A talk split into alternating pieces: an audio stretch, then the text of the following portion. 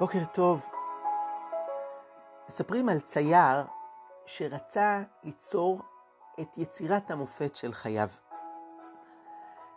בתקופתו היה מקובל לצייר דיוקנאות של אנשים חשובים. אבל הוא חשב שיהיה מעניין יותר לצייר לא את הדיוקן של המלך, אלא של הסוס האביר שלו.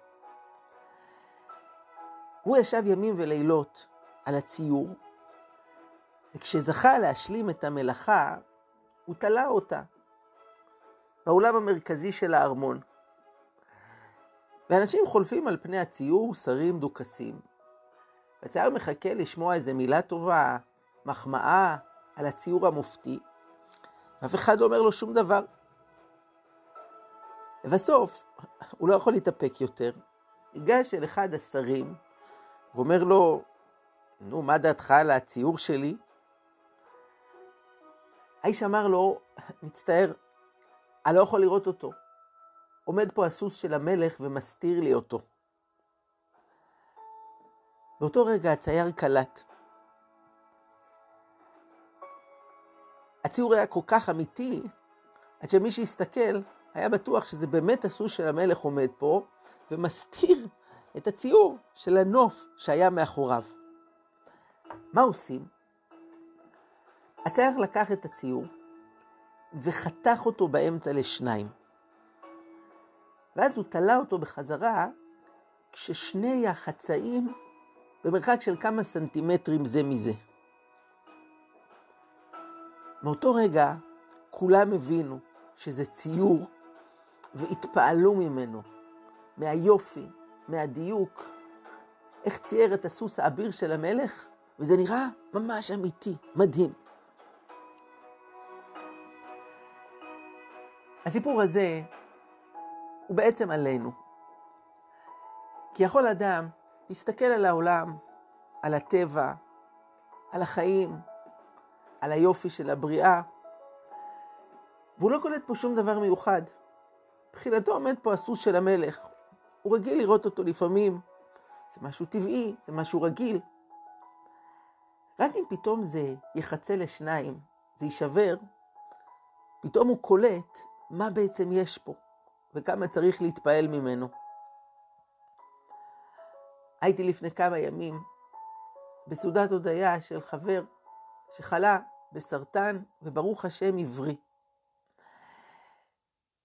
הוא היה מאיר כולו ושמח, ברוך השם, החלים וחזר לתפקד בצורה מלאה, להמשיך את החיים. כי גם הבריאות זה כמו הסוס של המלך. אנחנו מסתכלים עליה ולא סופרים אותה. פתאום כשהיא נחצית לשניים, כשהיא נשברת, אז אדם קולט, וואו, כמה צריך להעריך את זה, שאתה בריא, שהכל עובד כמו שצריך. אולי גם זה הרעיון שמאחורי קריעת ים סוף. זה שקוראים את הים לשניים, והטבע נחצה לנגד עינינו, פתאום אתה קולט את המשמעות של הטבע, שגם הוא יצירה אלוקית, והקדוש ברוך הוא שולט בו, וכמה צריך להתפעל ממנו ולהעריך אותו. אם נרחיב את זה יותר, הדבר נכון על החיים בכלל. איך האדם מסתכל עליהם?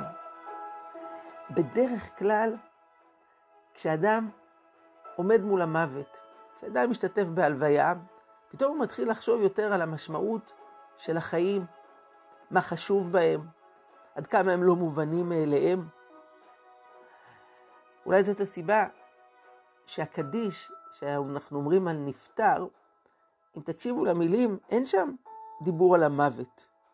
יש שם דיבור על זה שצריך להוסיף ולהגדיל ולקדש את שמו של הקדוש ברוך הוא בחיים שלנו.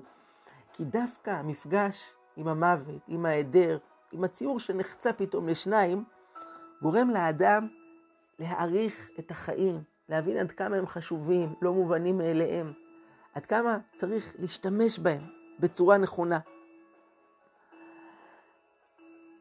אני אחתום בפתגם שאומר, ההרפתקה של החיים איננה גילוי ארצות חדשות, אלא התבוננות בארצות הישנות בעיניים חדשות.